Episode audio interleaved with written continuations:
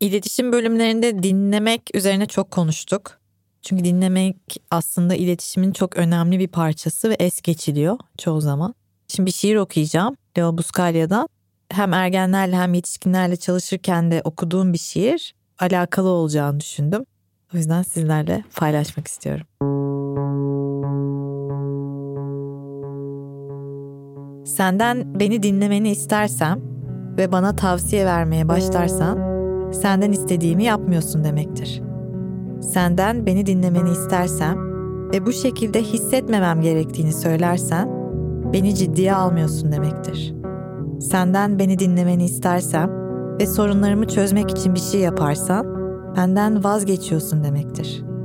O yüzden lütfen sadece beni dinle ve anlamaya çalış. Ve daha sonra konuşmak istersen biraz bekle. O zaman seni dinleyeceğime söz veriyorum.